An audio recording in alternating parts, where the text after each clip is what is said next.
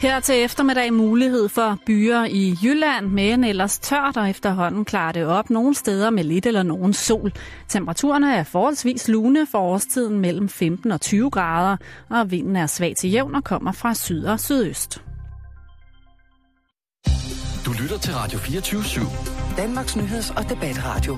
Hør os live eller on demand på radio247.dk.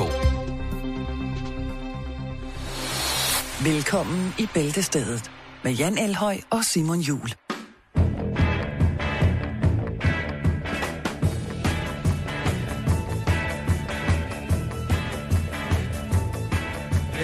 Każdy, każdy z was, że mamy włosy, tak jak kołodziej piast, tak długie włosy, jak sam kołodziej piast, nowe tysiąc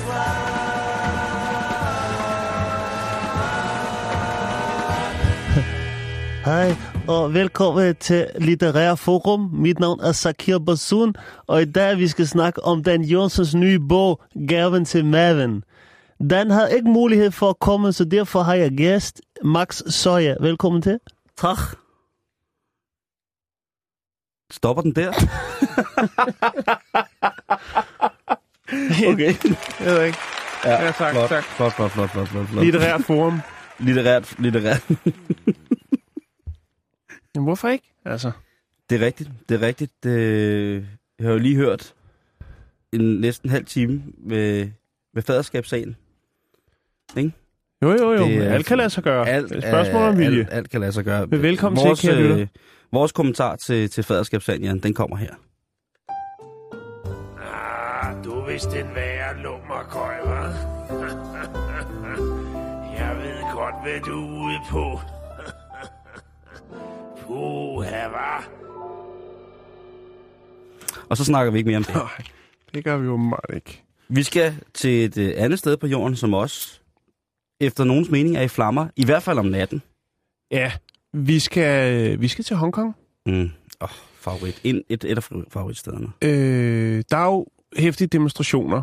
Øh, det er en protestgruppe blandt andet, der hedder Occupy Central, Ja. som huserer. Øh, og det, der er lidt interessant ved den her, det er jo noget med noget demokrati, de vil have fyret op under, Ja, det, det, det siger kan man vist roligt sige. Ikke? Ja, jo. Eller, det siger de i hvert fald. om, øh, om aftenen, eller når mørket falder på, så er byen på kogepunktet. Der er tårgas, peberspray, frustrationer, vrede osv. osv. Mm. Men det er jo ikke sådan så, at når solen står op, så holder de op med at demonstrere. Øh, men det er som om, de kører toholdsskifter ned.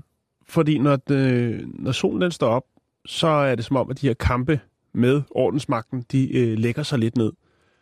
Og øh, så tager et andet hold over. Det er jo studerende hovedsageligt, der står for de her demonstrationer. Og øh, når man er studerende, så har man frygtelig meget at se til, ud over cafébesøg. Ja.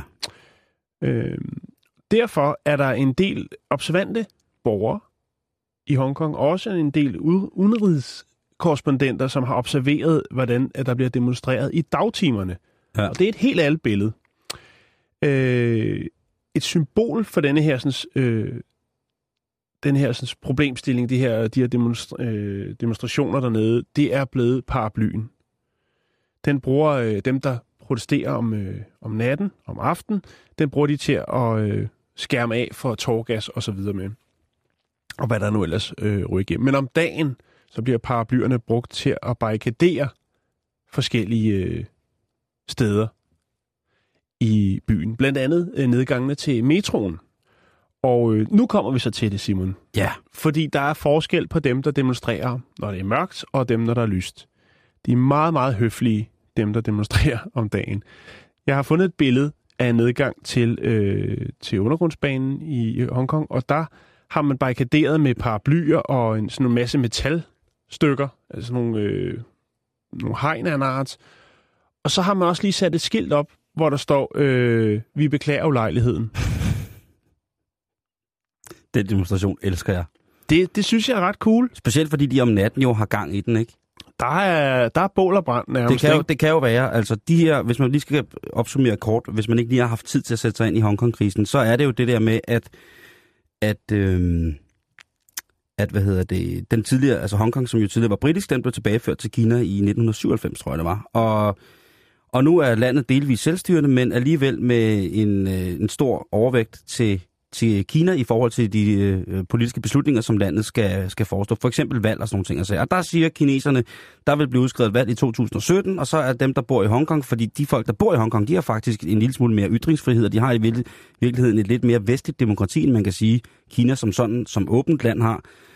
Og det, som folk er blevet bange for, det er jo, at øh, de, kineserne de har sagt, prøv at høre, de folk, der skal vælges til, til styrekomiteen i Hongkong, jamen der vil være to-tre stykker, og det vil vi stå for, ligesom hvem er. Det skal I ikke have nogen indflydelse på. Og Mm. det er jo klart, at øh, for eksempel de unge mennesker, som skal sørge for Hongkongs velstand i de næste mange hundrede millioner år, at de jo er bekymret for, hvad der så skal ske, hvis det er, at den store kinesiske hånd, den kommer ind og får... Øh, Mm. Måske ikke så meget skulle have sagt, men de steder, hvor den skulle have fået sagt, det er så noget af det, der betyder alt i, i Hongkong. Ikke? Så er det bare kort sagt, at de er sure Jo. på, at kineserne vil for meget, at, at der er en, en, en regering i Hongkong, eller en selvstyresregering, som ligesom vil for meget på kinesernes vegne i forhold til Hongkong, øh, Hongkong-kinesernes vegne. Ikke? Hongkong. Oh, Hongkong. Dejligt, dejligt sted. Og den er altså, den er, den, den er, øh, der, der er jo kommet masser af folk til skade, og det har været ret øh, sindssygt. Øh, Ja, og, og, og fordi i Hongkong, der er det jo, altså, ja, jeg ved ikke, hvad man, hvad man skal sige. Det virker bare så fredeligt, men det er jo selvfølgelig, selvfølgelig klart, det er en kedel.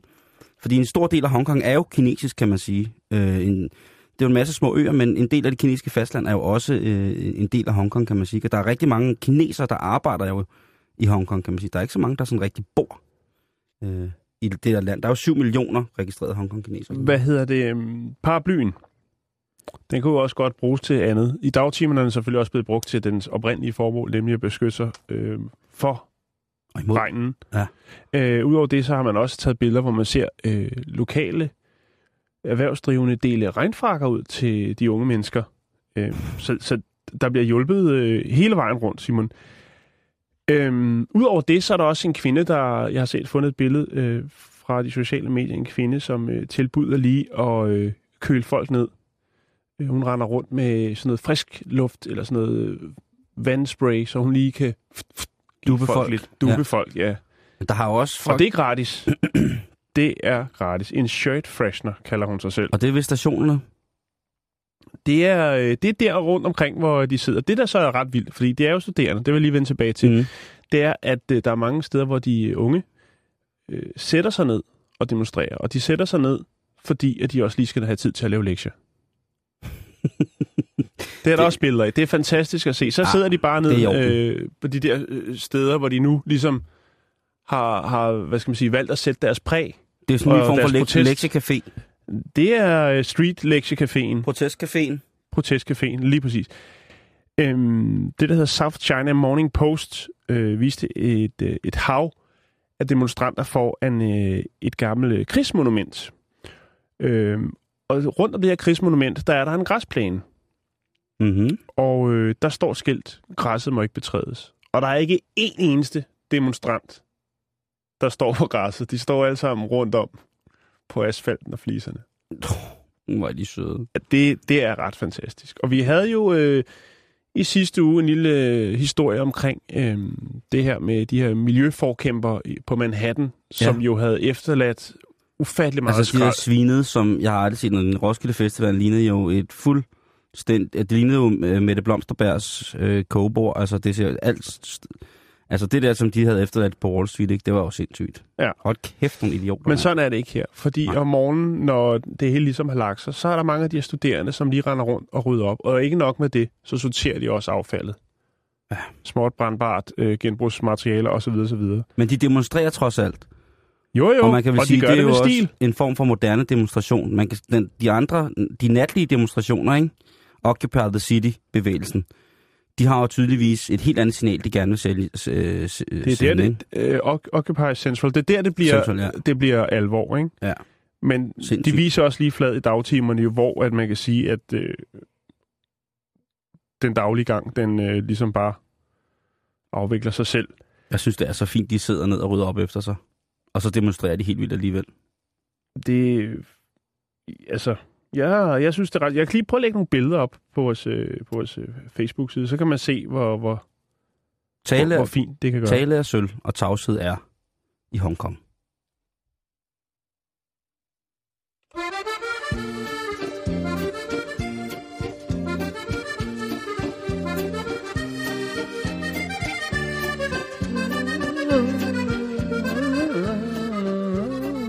Kan du gætte, hvilken land vi skal til, Jan?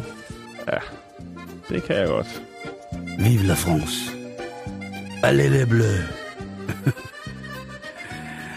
vi skal selvfølgelig en tur til Frankrig, og vi skal til øh, en sag, som er baserende dernede, og den omhandler Marie Le Pen, som er leder af det, der hedder Front National, som jo er det meget højere øh, drejet nationalistiske franske parti. Højre drejet. Det, Ja, det, det, det må man sige. jo, øhm, men det Øhm, jeg vil godt anerkende. Og hun, øh, hun er jo øh, hun er jo en, en kvinde af, af mange bastante og meget franske meninger. Hun er vel sådan en form for for en øh, sådan en, en altså hun er jo en, en kvindelig nationalist, som altså ikke på noget tidspunkt i den her i, i disse, altså siden hun kom til øh, hvad hedder det, siden hun kom til magten i 2011 øh, som formand i Front National, der har hun altså ikke haft bladet for munden på noget tidspunkt. Hun har sagt tingene direkte, som du vil. Øh, som, som hun, de har hun sagt ting direkte, som hun ville sige dem, ikke? og som hun har ment dem. Mm. Og det har jo altså givet hende nogle... Øh, altså, det har jo gjort, at hun er en af de allermest fætterede politikere i Frankrig. Hun er, hvis det står nu, i forhold til Francis Hollands øh, socialistiske regering, hvis der stod til, til valg nu, så stod det til, at øh, Front National altså ville, øh, ville brage ind i, i regeringen. Og øhm, det er hun selvfølgelig glad for. Men hun er også pisse sur, fordi hun har fået taget sit kørekort. Hun må ikke køre bil mere. De har fuld... Ja, det, hun snakker jo så godt om øh, det, det franske politi, og der skal bruges flere penge på hæren og ordensmagten. Og hvis der er noget, altså hvis der er noget Marie Le Pen ikke kan lide, så er det jo, hvis der kommer folk med anden, øh, anden etnicitet til Frankrig. Altså, hvis de er franskmænd, er det fint nok, men de skal... Altså, nej, hun vil ikke have flere indvandrere nede i Frankrig. Det er hun træt af. Og hun gider slet ikke at høre på noget med omsorg til, til folk, som ikke har fransk statsborgerskab. Og hun er i det hele taget drønhammerne sur på, øh, på rigtig, rigtig mange punkter, når det kommer til det humanistiske. Hun, øh, hun har optjent klip i sit kørekort, og i Frankrig, der har de jo fuldstændig, altså fuldstændig det samme herhjemme. Der har de jo, vi snakkede om fotofælder forleden dag. Mm-hmm. Det var i går. Det var i går. Og der øh, bliver hun altså, hendes bil bliver altså knappet i den her fotofælde. Og det, der er ret vildt, det er, at hun prøver så at forklare, at det ikke er hende, der sidder i bilen. Det er hendes umiddelbare forklaring. Hun øh, kalder i en, øh, i en fransk, øh, fransk avis, der kalder hun fotofælder for endnu en trækafgift fra den socialistiske stats side, forklædt i noget, som, skulle, øh, som formentlig skulle prøve at øge trafiksikkerheden. Altså nu synes hun også, at fotofælder er noget idi- idioti, ikke? Mm-hmm. Og hun synes også, at politiets øh, indgangsvinkel til ligesom at inddrage hendes kørekort, når hun på, alle, på lige fod med alle andre mennesker i Frankrig, der har et kørekort, eller EU, har fået som tilpas mange klip i sit kørekort, så at det ikke er. Klippene i hendes kørekort, det består i en ikke synet bil, og så to fartbøder. Og nu er det altså det sidste, der er røget her, ikke? Øhm, og det er jo sjovt, at man er formand for et, et politisk parti, som, som faktisk beskriver sig selv som værende dybt patriotisk og nationalt. Og øh, det eneste, som de har fokus på, det er identitet, tradition og suverænitet. Og inden for øh, hvad hedder det, tradition og identitet og suverænitet, så det, gælder det jo også, at ordensmagten skal have flere beføjelser. Men lige nu, der er hun altså ikke særlig glad for ordensmagten på nogen måde. Hun er faktisk rigtig, rigtig, rigtig sur øh, og, og træt af det. Øh, og man kan jo sige, hun er jo sådan en, som jo igen træder i øh, virkelig, virkelig hårdt i pedalerne for sådan de her traditionalistiske øh, familieværdier. Ja, og, øh, og, og så er hun datter af, af Jean-Marie Le Pen jo, det er jo klart. Øh, som jo var stifteren af Le Pen, det nationalistiske parti. Øh, var det ikke det, du ville sige? Mm, det ved jeg ikke. Hvad synes du? Jo, men det... Øh, øh, det ved jeg ikke. Han er den yngste, hun er den yngste datter i hvert fald. Øh, som, en, som en gave til, til folk, som, øh, som begiver sig ind i politik, så vil jeg bare lige... Altså, hvis man går efter at blive lige så hardcore som, som hvad hedder det, Marie Le Pen, så skal du vide, at hun har prøvet at genindføre dødsstraf og lov imod homoseksualitet i Frankrig. Så kan du gå og tænke lidt over det, ikke? Bare for en sikkerheds skyld. Tød søs. Ja, det er hun med. On self-defense and scary sounding noises is brought to you by High Karate Aftershave and Cologne. For those times in your life when you are heavy-handed with your regular high karate, memorize them. They could be your last line of defense. Øh, der er meget snak om det for tiden, og det er ikke det, vi skal hive fat i. Men det er værd at nævne. Øh, Pippi Langstrømpe Gate, kan man vel godt kalde den uh. efterhånden. Ja, racismen, racismen. Racismekortet bliver trukket hele tiden nu. Ja, hvis, hvis det så er det kort, der skal trækkes. Det, det er jo det, der bliver diskuteret. Øhm, og nu er den også gal med Tom og Jerry. Oh, no. Over there. Er de også afroamerikanske? In the land of uh, opportunities. Det handler om øh, tegnefilms skildring af den øh, sorte tjenestepige Mami Two Shoes. Det er hende, der altid har tusind kjoler på, der stiller sig på en taburet og skriger og hiver op. Ja, og det er hende, som altid skiller, øh, hvad hedder det, Tom ud, og det er hende, hvis ansigt man aldrig nogensinde ser i nogen af tegnefilmene. Hun er en dejlig mamma. Hun er en dejlig mamma, og jeg vil, jeg sidder, jeg sidder og tænker på, hvordan, hvordan opfattede man hende dengang, at man øh, var barn? Og jeg, jeg vil, så vidt jeg Jeg synes, husker, hun var pissefræk. så, så tænkte jeg ikke på, hvad øh, farve hun havde, men bare, hun var meget skrab over for Tom. Ja, det er rigtigt. Men øh, åbenbart, så har man valgt øh, at, at smide en advarelse ud øh, via iTunes og det, der hedder Amazon Prime, øh, som er steder, hvor man kan øh, hente de her Tom og Jerry tegnefilm. Og der understreger man lige, og jeg har fundet et screendump af det, at øh, de her tegnefilm øh, skildrer nogle etniske og racemæssige fordomme. Det står der, Simon, nedunder. Så når du sidder og scroller din tegnefilm igennem for lige at øh, Wow. give børnene øh, noget god gammeldags fald på halen komik, Ja. øh, så skal man være glad for, at de ikke kan læse i hvert fald, synes jeg. Fordi det, den havde jeg ikke set komme. Nej. Øh, og det er faktisk så vildt, så, øh, så Warner Bros. har valgt at øh, alliere sig med Whoopi Goldberg, jo, som ikke er bleg for at komme med en udtalelse eller fem. Øh, og hun brækker ligesom ned, det her ned omkring. Og hun er jo rimelig afroamerikansk. Det kan man sige. Det er hun.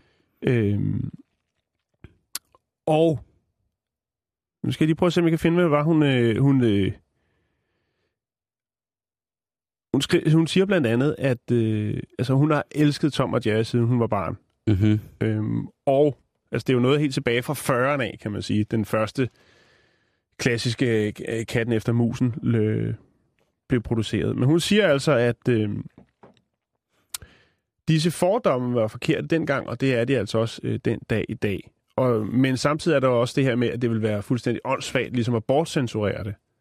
Fordi Det det, vil jo også. være en, en, hvad skal man sige, en fornægtelse af fortiden. Øhm, og hun, hun brækker det altså ned i sådan et YouTube-klip, som jeg synes, vi lige skal lægge op øhm, på vores Facebook-side. Øh, og så kan jeg også lige smide det der screendump op. Men hvad siger du, Simon? Er det, har det ikke, er vi ikke... Øh, altså, man kan sige, stille og roligt bliver der jo heddet nogle ting ud, ligesom i øh, De Små synger, ikke? Jo, jo. Der er røget men et par jeg sange i svinget og høre, øh, Mine unger, de kommer til at vokse op med Lille Sorte Sambo. De kommer til at vokse op med Pippi Langstrømpe og, og, og Nea, og de kommer til at vokse op med, med hvad hedder det, øh, øh, Mami Two Shoes fra Tom og Jerry. Øh, og de får, altså, det, det er 100% sikkert, at de kommer til det. Øhm, Mm. Fordi at jeg ved, at jeg kommer til at lægge så meget kærlighed i det, at øh, de kommer ikke nogensinde til at være i tvivl om, at hudfarve på noget tidspunkt har en betydning for, om man er et godt eller dårligt menneske. Eller om, om man på en eller anden måde øh, skal... Altså, for- jeg, jeg synes, det er voldsomt, at der er nogen, der bliver krænket af det. Og man skal selvfølgelig have respekt for folk, når de føler sig krænket af nogle ting og sager.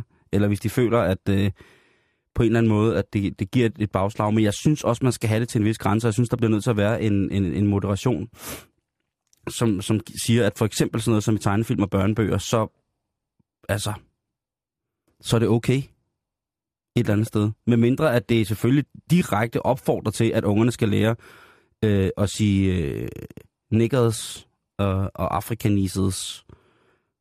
Africaneses. Ja, det ved jeg ikke. Men i hvert fald, Ja, det lød fedt. jeg, jeg, jeg synes, at at det der, det er, det, det er for meget. Jeg synes, at jeg blev også, øh, når du nu spørger, synes jeg jo også, det der Astrid Lindgren, det var noget pis, altså. Øh, det er så... Øh, øh, det bliver... Øh, altså, hvis man bliver stødt af, hvad der sker i en børnebog, som voksen individ, jeg vil godt forstå, at man gerne vil beskytte sine børn, men så er man, altså hvis man beskytter sine børn imod børnebøger og ting, som kunne være etnisk udfordret børnebøgerne, fordi at det er noget gammelt noget. Jeg synes jo også, der er en, del historier, så bliver man nødt til at kende sin historie, så må man forklare de mennesker, som føler sig støtte omkring historien, og jeg ved det ikke.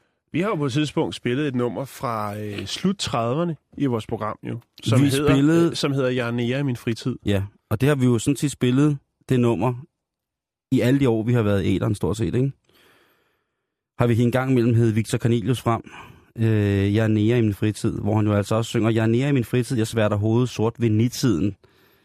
Han skri- synger også på et tidspunkt, han er niggerboy, øh, og det er jo i den grad en... Det er en hyldest til jazzen, men med, med, Ja, men med, det, med, det, er jo med, også, det er jo også et, det er også et twist. det er et, med et meget tung twist. det er et samtidsbillede, som man bliver Ja. nødt til at lære at grine af, for du kan altså ikke lave fortiden om. Nej, det bliver svært. Og jeg synes også, at den der berøringsangst med, hvad folk kalder det og sådan nogle ting og sager, i dag, jamen det er, det er rigtig, rigtig voldsomt. Jeg vil gerne øh, have, at folk skal kunne øh, i ytringsfrihedens navn sige, hvad de stort set har lyst til, så længe at de, kan, at de står op for det på en ordentlig måde. Øh, hvis man så ikke kan det, så er det jo klart, så bliver man nødt til at diskutere, hvorvidt at man rent juridisk i forhold til alle mulige paragrafer om racisme og, og personlig, den personkrænkningsloven ligesom har det. Men umiddelbart, hey, altså, så synes jeg godt, at man må, må i, i børnelitteratur øh, slappe lidt af med det der øh, hetseri. Har, du, har dine børn læst Det Lille Sorte Sambo? Mm, nej. Hvis de, ser, de. hvis de ser en afrikansk mand, hvad siger de så? Siger det så, der går når, hvis de skal sige noget? Hvis de for eksempel skulle De referere siger til... noget, der er jo ikke forskel. Nej, nej, det er det. Nej, Nej, Altså, nej, der er ikke... nej, men det er det også også være meget, meget mærkeligt, Ja, men det er hvis, rigtigt. hvis mine Det- børn sagde, se, der går en, en afrikaner. Altså, Men stadigvæk. Altså, det er jo... Øh, det, det, det er jo bare tegnefilm, ikke? Altså, jo, og så meget skal man heller ikke ligge i det, tror jeg. Jeg tror Nej. ikke, altså... Øh, siger- så, er det også, så skal vi ikke have nogen danske film, hvor der er au pairs med i, eller hvad? Bliver det nej, det må, og jeg må ikke blive kaldt for en, øh, en asiat. Nej. Fordi det er jeg. Jeg er koreaner. Nå, ja. Har du glemt det? Nej, det glemmer jeg aldrig, Simon. Jeg er fucking også ligeglad. Oh no! Jan, Det er mig. nu skal vi videre med noget alvorligt. Vi har beskæftiget os lidt med, med nogle politiske aspekter i, øh, i det her øh, fredagsprogram. Og det skal vi altså også blive videre med, fordi nu er det jo, at det er kommet frem, hvad det er, Anders Fogh han skal efter hans øh, endte periode som NATO-generalsekretær. Jeg har, ikke, øh, jeg har ikke sat mig så meget ind i den sag. Nej, men det har jeg. Men, men og det er jeg glad Jeg er for. helt inde i den, Jeg ved, at noget med, at han øh, skal banke sin egen biks op. Han skal rådgive. Jamen, han skal en, nej, han skal en konsulentvirksomhed, dog. Han skal, han skal ud og hæve... Øh, han skal ud og hæve. Nu så jeg lige, at øh, Al Gore for eksempel, hans, øh, hans personlige pengetank, den er på øh, anslået fra Forbes omkring 600 millioner dollars. Og det er altså, når man sidder i en position som Anders, ikke, så får man jo nogle kontakter, man får, øh, og man får noget, Der bliver delt kartoffelhånd ud til, til højre og venstre. må ikke der gør. Og, der, øh, og det skal man jo kunne bruge til noget. Så selvfølgelig at kunne sidde og være... Jeg ved ikke, hvad man skal være konsulent for. Men øh, øh, det kommer vist til at hedde Rasmussen Consulting god aften. Det er Anders. Jeg tror, det, det, bliver, det bliver sikkert helt vildt. Og der skal, altså, når man har siddet der i positionen som NATO generalsekretær, så er der sikkert nogle brothers in arms, han gerne vil snakke med, og så kan han rådgive, og han kan alt muligt mærke det, og han har international politisk erfaring. Men jeg synes, det går for hurtigt. Jeg er godt klar over, at, øh, at Anders Fogh, han er et menneske, som sikkert siden han i slutningen af, af 20'erne øh, lod sin politiske karriere tage fart, har haft planlagt det her fuldstændig ned til, til dato og klokkeslæt. Det er jeg fuldstændig sikker på, at der er altid en plan A og en plan B, og der er sikkert også en plan C, og så, e, ellers så kan man bestikke sig til en plan D. Det er jeg helt 100% sikker på. Så, så jeg er jo helt sikker på, at han synes, det er en pissegod idé, fordi det passer ind i hans planer, at hvis han var blevet valgt videre som NATO-generalsekretær, så har han selvfølgelig taget øh, valgmulighed A, men nu er det altså B, og det gør så, at han skal i gang med det. Og det har jo, sikkert, det har jo været i støbeskeen sikkert i rigtig, rigtig mange år. Man starter jo ikke bare et stort øh, consultingfirma op, og så på sit glatte ansigt, og så sit, øh, sit CV går i gang. Stort. Er det ikke bare ham? Oh, Er det ikke et one-man-show? Ja, men der skal nok komme lidt ind. Der skal nok komme lidt under. Det lyder, jamen, Så jeg, jeg tænker, måske skulle Anders til at tage det lidt stille og roligt nu. Måske skulle han lige finde, det går, hvad han skal have et arbejde. Jeg tror ikke, han lider nogen brødnid. Så jeg tror, men ja, han virker også, at han slår mig som en, en all-right stand-up, øh, hvad hedder det, all-right guy, som godt kan lide at arbejde, som faktisk er lidt afhængig af sit arbejde.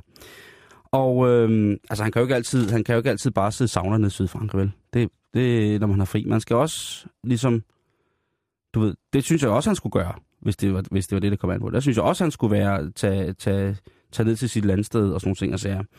Men jeg har fundet nogle jobopslag, Jan, hvor jeg tænker, det kunne være lige noget for Anders, som han kunne have som overgangsjob, indtil han kommer helt i gang med Har du sit... været på øh, jobbasen? Blandt andet. Okay. Og øh, der har jeg øh, her øh, en bagermester til Kvickly i Ry. Der ser jeg, jeg ser Anders der som, øh, som ret øh, god, fordi der står, at man skal have ansvaret for at lede bageriproduktionen og bageriudvalget øh, via en motiverende lede, øh, lederstil. Hvad? Det, altså, det, må, altså, det må da være ham direkte fra, fra NATO, ikke? Øhm, han skal have opfølgning på produktion, indtjening og salg, gennemførelse af egenkontrol, personale, personaleledelse og udvikling, og udvikle DB1. Altså, hvad siger du til den? Det, DB1. jeg ved ikke, hvad det er. Til gengæld, prøv at se DB1. Anders Fogh Rasmussen som bagermester i Ry, Kvickly Ry. Det vil, det vil være magisk, jo. Det vil være skide godt. Så har jeg fundet en, øh, en anden artikel, også Det er fra... et økonomistyringssystem. Ja, men jeg tror du fortælle ikke, han har styr på det? Det kan jeg love dig for, han har. Et andet, jeg, der er rigtig mange gode øh, jobs i Kvickly at hente for tiden. Er der det? Øh, ja, der er blandt andet også i øh, Viby, der mangler øh, Kvickly en delikatesseassistent. Du bliver en del af et varehus med omkring 170 medarbejdere. Vi har eget bageri, stort frugt- og grønt afdeling, åben slagter og delikatesse. Kvickly Viby er inde i en meget positiv udvikling med mange nye kunder. De opgaver, Anders vil få som delikatesseassistent i Kvickly, det vil være, at han skulle stå for den daglige produktion og kundebetjening i afdelingen. Det tror jeg, han vil have godt af. Jeg tror, han have godt af at, at komme lidt i kontakt med ægte mennesker igen. Han har jo siddet lukket inde i det der øh, generalsekretariat og snakket sikkert, og, og der har man... Ja, Kom der, ud til pøblen. Ja, og der har man altså, man har rigtig travlt, når man sidder derinde. Ikke? Så, så man har ikke så meget tid, ikke fordi han ikke vil, men jeg tror, han er godt af lige så stille at komme ind i en situation, hvor han i kraft af en øh, opgave i jobbet skal snakke med forskellige mennesker. Øhm, Rigtige mennesker. ja, lige præcis. Øhm, et andet job, jeg har fundet, det er i Horsens. Horsens, som konstruktør hos noget, der hedder Pieces. Godt nok står der, er du uddannet... Det er smykker, ikke? Lige præcis. Jo, jo. Er du uddannet konstruktør, og er du vant til ansvaret for processen fra sketch til det godkendte produkt? Ja, det, altså, det kan godt være, han, men det kan han lære lynhurtigt. Det skal han nok Han lære, kan lave en ond sketch. Der, hvor jeg tror, Anders vil være pissegod, det er, dit primære arbejde består i at træffe beslutninger i forhold til snit, pasform og mål. Da vi kun har én konstruktør i afdelingen, kræves der en meget selvstændig indsats, og vi vægter, at du har erfaring inden for konstruktion og konstruktion af dametøj.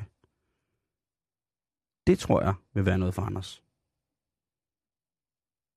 Jeg tror, han har sindssygt meget forstand på dametøj. Tænk, hvis du sagde det i radioen. Ja, det var langt. Det selvfølgelig gør jeg ikke det. Der kører musik.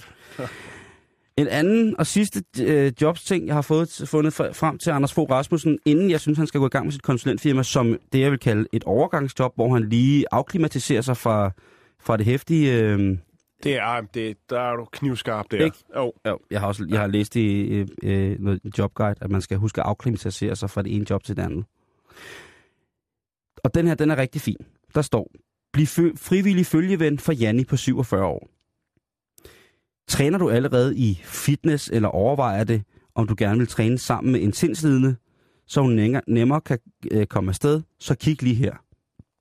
Anders? Det er ikke et fuldtidsjob, vel? Nej, lige præcis. Nej. Og vi ved jo, at Anders, han holder sig i form. Det, han løber. Altså, han løber, og han, altså, han er bare... Hans vitalitet synes altså fuldstændig umættelig, ukrænkelig. Ja. Ja. Altså. Det Og, rigtigt. og det, som, man, øh, som jeg tænker, det er det der med igen at komme til at snakke med rigtige mennesker, ikke? At det tror, det, øh, det vil være noget, som man vil rigtig godt af. Og her så er der altså sådan noget, at man som projekt, i det der noget, der hedder projekt Følgeven, som jeg synes er pisse, øh, pisse fedt, der matcher socialt udsatte og sindslidende borgere med frivillige følgevenner. og deler fritidsinteresse med dem. Som frivillig følgeven skal du støtte en sindslidende borger i at deltage i fritidsaktivitet. Det kan være en stor barriere at tage kontakt til og møde op i for eksempel en sportsklub alene. En frivillig følgeven vil gøre en stor forskel og gøre vejen til nye netværk og oplevelser lettere. Netværk, det kan være, at Anders Fogh så også kan netværke der. Det er det, han skal nu jo. Han skal ud og bruge det netværk, han har opbygget internationalt og, politi- øh, internationalt politisk de seneste mange, seneste mange år. Det er det, han skal ud og, og arbejde med nu, ikke? Han skal kunne se, hvor den er gal. Og der tænker jeg bare, at det ville også klæde Anders, at han gik fra det der super, super højprofilerede job til at dyrke noget sport med en sindslidende en eller to gange om ugen. Det vil klæde ham helt vanvittigt. Er det helt forkert? Det synes jeg ikke, det er. Og det er så, Så der, det, der, og, han vil sikkert også se nogle PR-muligheder i det. lige præcis, og der er kun, det er kun et par dage om ugen. Det er ud af boksen, det der, Simon. det er kun det er et par dage om ugen, Ja. og det Et par bedste, timer det bedste, gang. det jeg er bange for, det er, når jeg ser på Anders, det, øh, når jeg ser på Anders Fogh, det er jo de der øjne, han har. De der, De der forførende. jeg ved ikke, hvad de er. De er der i hvert fald, lige inde midt i Anders' hoved. Jeg tror, han kan se i mørke.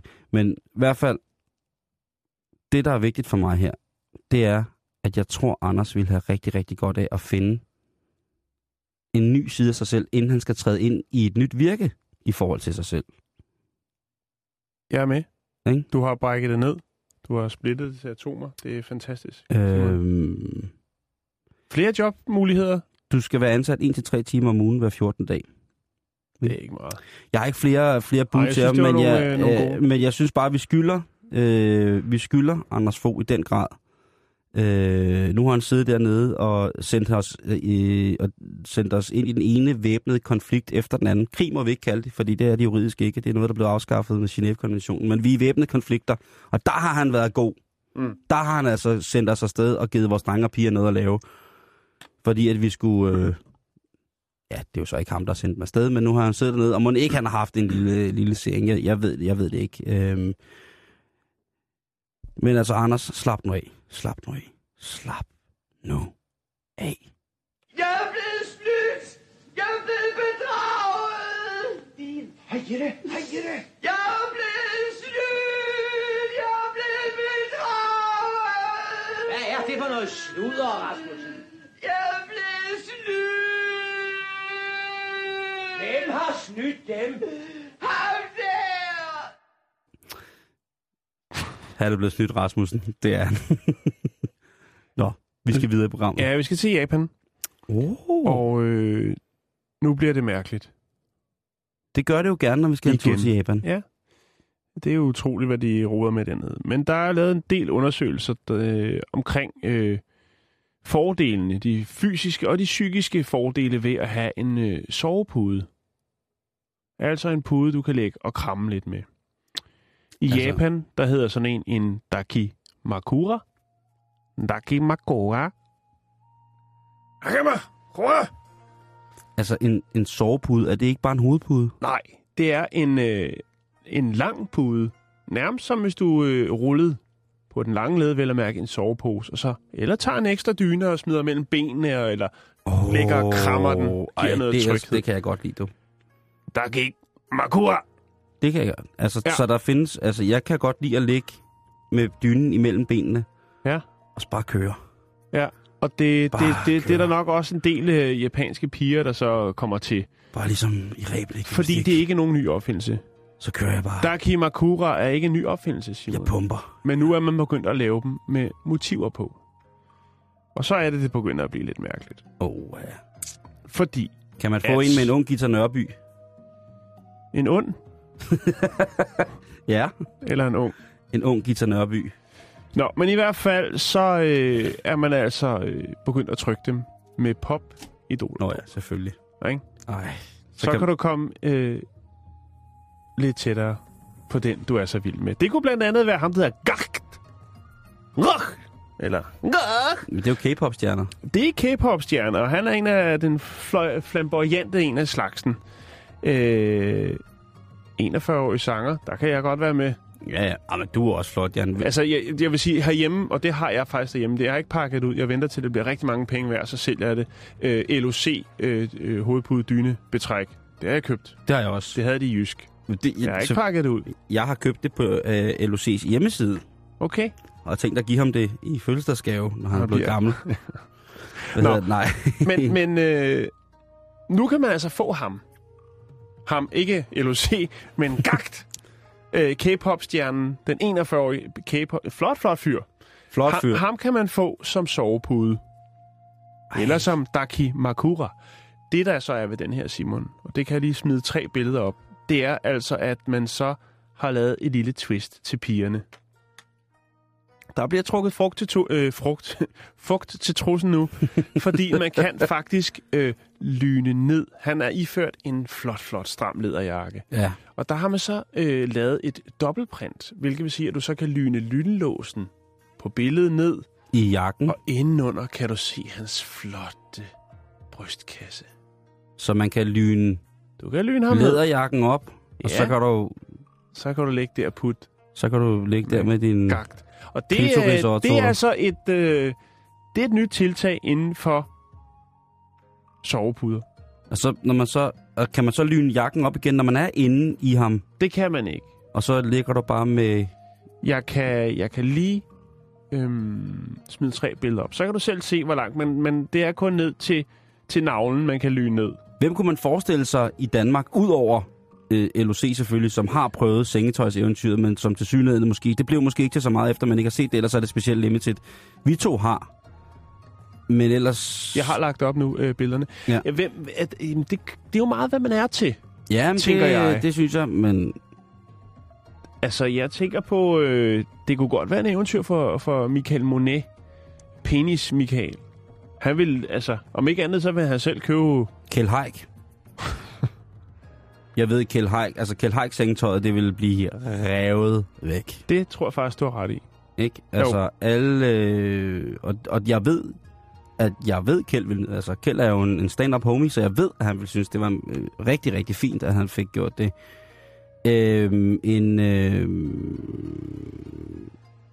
det, altså, jeg vil jo gerne se prins Henrik på øh, sengetøj. Det ville også være godt. Jeg Det ved ikke, hvor jeg- godt man ville sove med den, hvis den skulle være sådan nogenlunde realistisk. Jo, det er jo så måske er det bare... nok mere at blive en, dejlig høde, høpude, skulle jeg sige, hovedpude. Nej, Jeg har lagt altså, billeder op, Simon. Du kan lige se, hvordan man altså sådan øh, kan, kan lyne op for godterne på øh, den her flotte, flotte fyr gagt. Ja, det kan jeg godt se. Ja, ikke? Det er... Uh, hvis den blev lavet med... Med... Ja, jeg ved ikke... Gita Nørby. en ung Gita Nørby, ikke? Så ville jeg jo ikke lave andet end at lyne op og ned. Øh, hele dagen.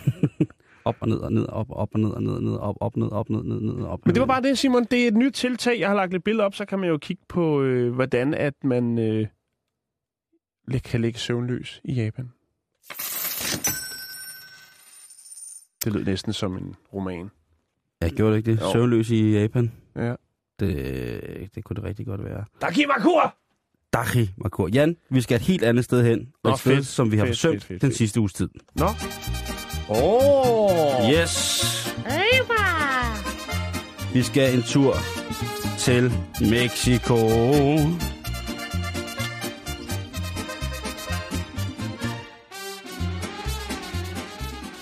Jeg har jo øh, i dagens anledning, og fordi det er fredag, og fordi man måske tager, skal til et arrangement, Og jeg elsker, når du snakker ind over musikken. Det er så... lokal radioagtigt. Du skal måske Satan. til et arrangement, hvor du gerne vil bryde isen lidt. Det kan være, det er en benhård, ben, benhård stemning, der er kørt efter noget, nogle uregelmæssigheder i supermarkedet eller til forældre med børnehaven eller whatever. Bryd isen ved at lige bringe de her seks facts om Mexico på banen. Det synes jeg er vigtigt. Det skal være slut med for dig, kære lytter. Det skal simpelthen være slut for, øh, for dig med at gå rundt og, og, og tvivle på vigtige oplysninger om Mexico. Det kan vi ikke have, det kan vi ikke tilbyde, vi kan ikke byde. Der er en hverdag som et, øh, et menneske, der ikke har en vis basis om Mexico. Så hold fast, tag eventuelt et stykke papir frem, og så kan vi komme i gang.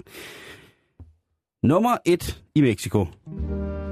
Hvis du bliver tilbudt en sacahuil, så er det en knap 1 meter lang tamale, der vejer cirka 75 kilo. Og det er... En tamali, Ja, det er mad. okay. En, en sandwich, kan man sige. Pandekage. Jeg er ikke helt sikker på, hvad, hvad, den, hvad den, den vesteuropæiske betegnelse er omkring en, øh, en, en tamali, men det er jo, øh, nu kan jeg, jeg kan lægge et billede op af den, hvis det er. Øhm, men altså, jeg vil sige, øh, En burrito, der står op. Jamen altså, det er, det er jo sådan en, øh, hvad hedder det, øh, klassisk er det jo en, sådan en, noget kødfyld, som er pakket ind i, øh, i, i majsblade eller bananblade, og så øh, kogt eller stegt, kan man sige, okay, øh, dampet. Okay. Jamen, det er fint. Det er fint. Så, øh, så det er jeg skriver det ned og, og googler det senere. Tak. en, en, en, en fyldt pandekage på omkring øh, 75 kilo, ikke?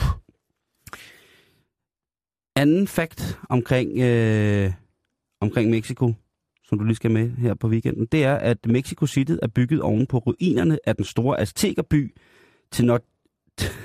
Tenochtitlan. Og den by var bygget oven på noget porøs søbund, en gammel sø, og derfor så synker Mexico City cirka 17 cm om året. Det er meget godt lige at have med.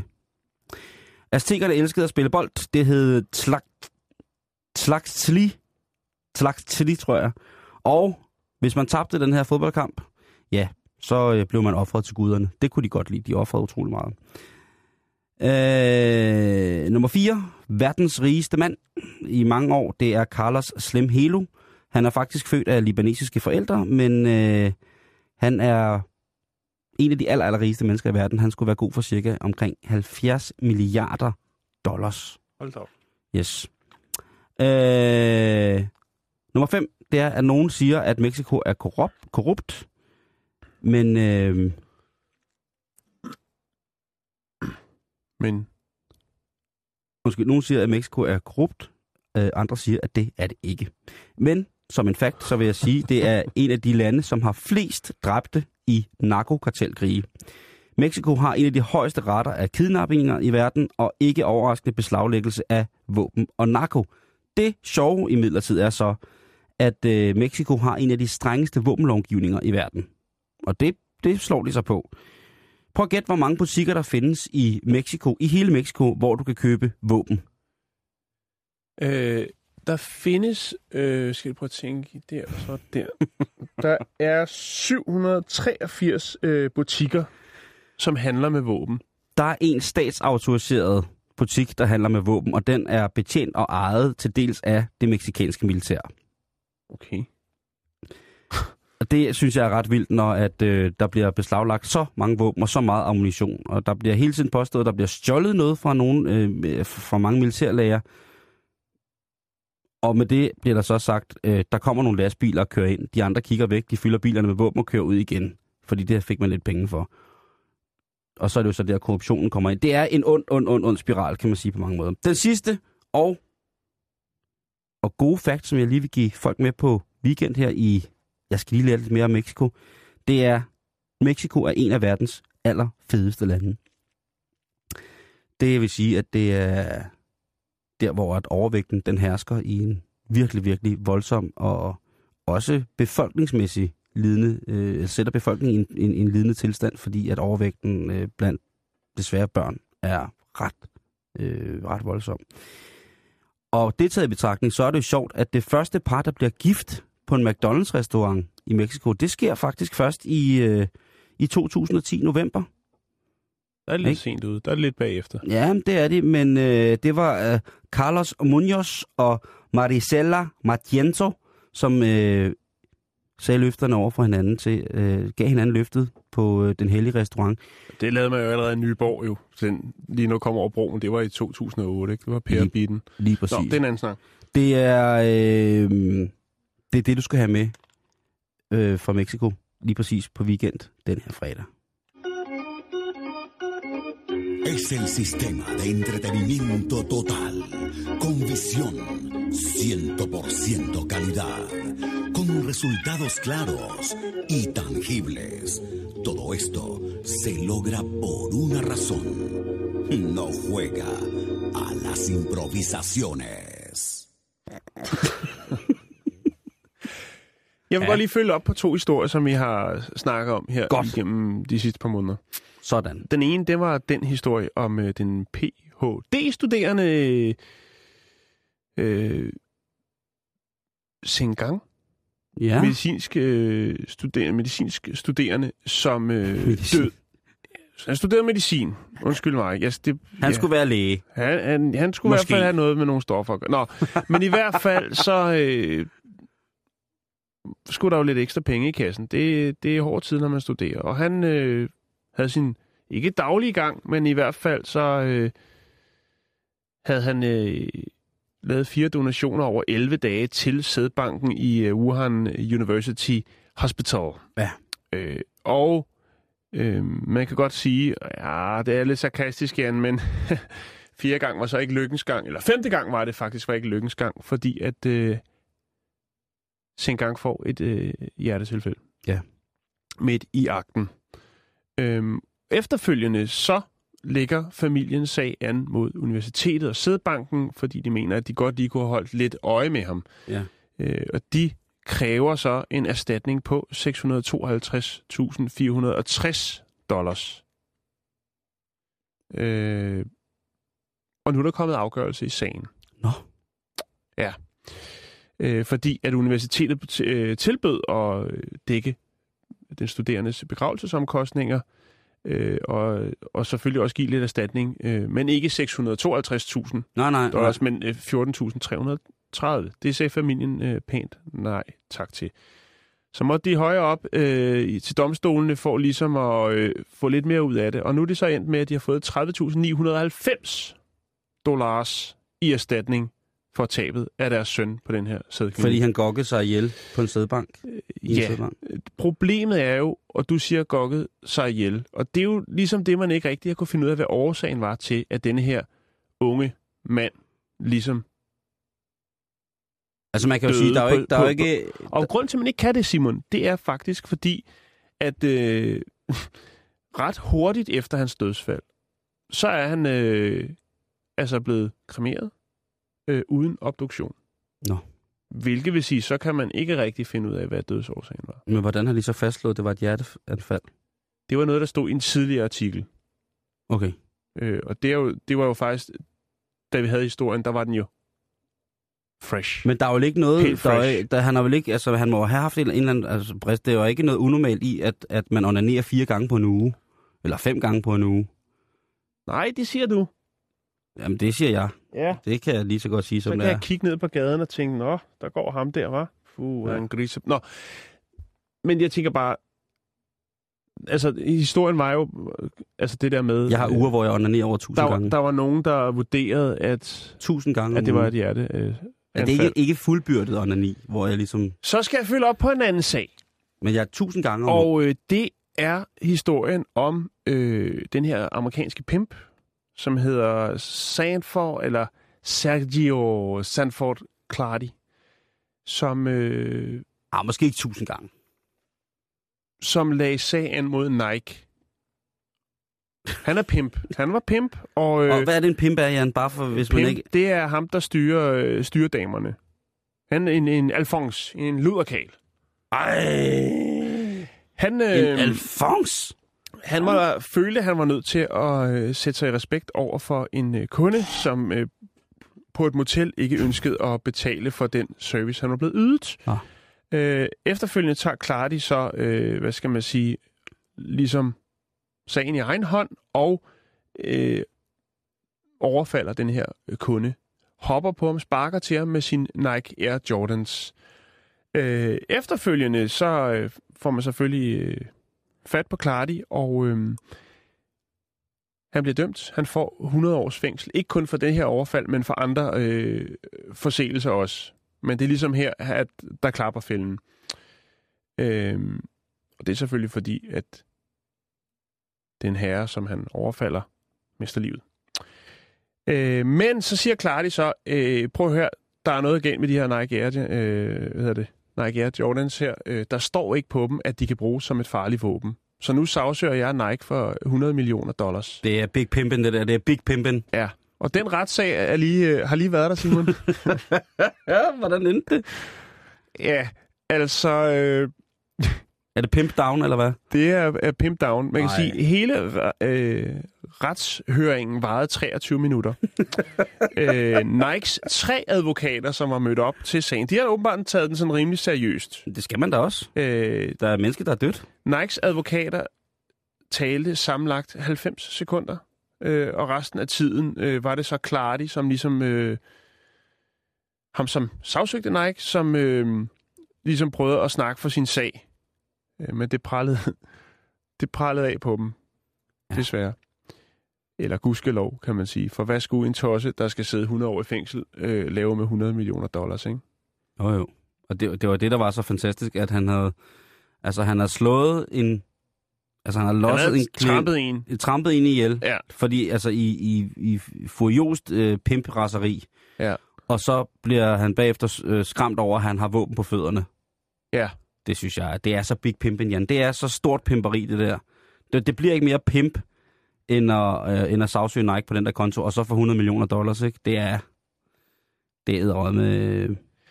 Altså, d- d- han valgte også, øh, han kunne få, godt få en øh, beskikket advokat, men han valgte faktisk at forsvare sig selv.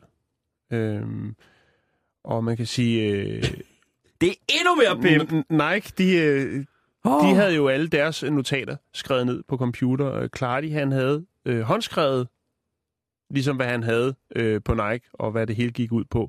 Dog pænt skrevet ned, øh, viser rapporten, eller fortæller rapporten. Clardys udgifter, øh, retssagsudgifter, for at forsvare sig selv er 1456 dollars. Jeg ved ikke, om han har lønnet sig selv, eller hvad.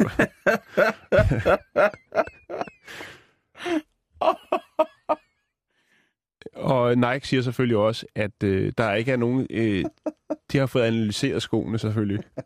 Og der er ingen tang, øh, tegn på, at øh, de var defekte, eller i den stand er for farlige, øh, hvis de bliver anvendt øh, til normal brug. Ja. Så de er gået lidt op i det. synes jeg alligevel, det, jeg synes, det er fint af Nike, at, at Nå, de tænker... nå, hey, hey, hey, det, det Altså, skal man. Ja, Er du og sindssyg? det er jo også klart, fordi øh, næste gang du... Øh, altså, hvis den her sag var blevet større, og du så øh, søger på Air Jordans, og så der kommer sådan en sag op for forskellige øh, skrevne øh, medier, så er det ikke særlig god reklame for øh, en rigtig dejlig sko. Det kan du sige. Det kan jeg sige. Jeg skal jo lige traditionen tro komme med lidt oplysning om, hvad du kan foretage dig i weekenden. Fordi at vi er lige ved at løbe tør for tid, så det Ja. kommer her. Der er her i, øh, i weekenden jo rigtig, rigtig, rigtig mange ting, som øh, du skal til. Men den vigtigste, det er UFO-konferencen, det er UFO og medierne. Og det er altså et sted, hvor du kan møde internationale eksperter, der fortæller om deres erfaringer med UFO'er og medierne. Det er den amerikanske journalist George Knapp og den britiske forfatter Robbie Graham og den norske dokumentarist Terje Toftenes. Og det er altså i, øh, hvad hedder det, i morgen lørdag fra kvart i 10 til 16.30. Det er Bryggefestivalen Kulturhuset Islands Brygge. Det koster 250 kroner, men så bliver du altså også beriget med alt nyt inden for UFO'er, Jan. Fedt. Der er noget, der hedder Abundance Club. Jeg er ikke sikker på, hvad det er. Det er tre alternative dansefester, som skal sætte fod i fødderne på Fynboerne. Der vil både være workshops og dans på dansegulvet. Og De tre F'er. Lige præcis. Det er øh, Mødecenter Odense, Bukvaldsgade, Bukvaldsgade 48 fra 19 til 01, og det koster en flad hund. Den sidste ting, jeg lige vil gøre opmærksom på, der kan foretages i weekenden, det er, at der er Tai Chi Chuan sværformen. Det er, at vi træner Yang-stilens sværform. Vi har lært første halvdel, kontakt Karin. Det er altså Karin, der dyrker Tai Chi med svær. Og øh, det sker i, skal jeg se her, arrangeret af... Øh, det sker på skolen i Nylandsvej 23 på Frederiksberg, og det er fra lørdag den 4. oktober fra 11 til 15. Så nu ved du, hvad du skal i weekenden. Lige om lidt, så skal du have nogle nyheder her for 24-7, øh, og efter det, der kommer øh, reporterne øh, med Asker. Hej. Asker. Hej. Er det kun dig i dag? Nej, Jens Hansen, han, øh, han er bare forsinket. Nå. Sådan ja. Ja. er det at være en mand med to navne. Hvad skal, du, øh, hvad skal der ske inden at... Øh... Vi starter med at snakke med udenrigsministeren. Intet mindre. Martin, nej, men det er det. Det, er- det er lidt spændende faktisk. Ikke? Og så skal man jo ligesom også være i gear. Er det Vi skal snakke du om, skal om- snakke med en minister? Krigen. Og så skal vi snakke om de civile Du ting. må ikke kalde det en krig, fordi det er det reelt ikke. Det skal de ikke bestemme. Ah, okay. Jamen, det skal de jo ikke. nej. Thorning skal da ikke bestemme, hvad det er. Hvad siger du? Helle Thorning skal da ikke bestemme, hvad, det, hvad jeg skal kalde Det er jo ikke Helle Thorning. Det er en øh, vedtagelse i Genève-konventionen ja. fra 1949, Hvad- hvor at jeg det når, vedtaget... vi, når vi smider bomber i et andet land, ikke? Ja. Øh, så er det en krig. Jeg er fuldstændig enig. Okay. Så er alle glade. Men det er rigtigt, men det, jeg synes, det er så åndssvagt, i øvrigt, det der. Ja, det er meget, meget åndssvagt. Øh, nej, civile tab, hvor mange regner han med, der vil dø? Hver gang vi smider en bombe, ikke, og dræber, lad os sige, vi dræber en af de der islamistkrigere, hvor mange civile dør der så? Kan du ikke spørge ham, hvad det sidste var, han sagde til øh, vores piloter, inden de tog afsted sammen med deres hold? Jo. Fordi det var ret... Hvad, hvad siger man? Farvel på gensyn? Eller Ja. hvad siger man? Ja, klart. Shit. Det bliver spændende. En minister på besøg i reporterne. Ja. Så, sådan det. Det er efter nyhederne kl. 15. Nyhederne